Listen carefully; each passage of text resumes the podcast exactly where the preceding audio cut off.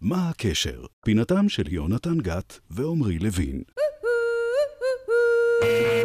מה הקשר? מה הקשר? מה הקשר?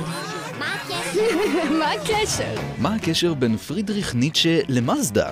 פרידריך ניטשה היה פילוסוף גרמני שחי במאה ה-19. בכתביו עסק ניטשה בנושאי דת, מוסר, תרבות ומדע, ובין רעיונותיו המרכזיים היו מותו של האל, האדם העליון והרצון לעוצמה. הוא השפיע על הניהיליזם, הפוסט-מודרניזם, ובצורה מעוותת ומסולפת גם על הנאצים.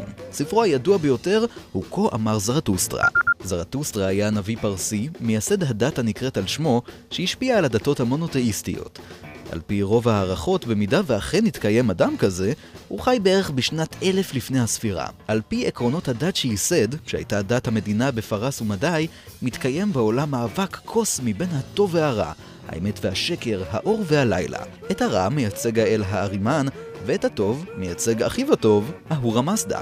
אהורה מזדה, במיתולוגיה הפרסית, הוא האל הטוב.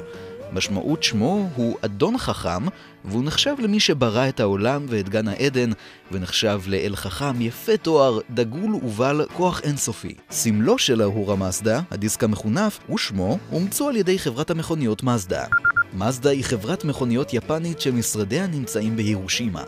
מקור שמה הוא באל הראשי במיתולוגיה הפרסית, ובשמו של מייסד החברה, מצודה. החברה מייצאת את המכוניות שלה לכל העולם, וגם לישראל, בה היא זוכה להצלחה רבה מאז התחלת הייבוא בשנות ה-90.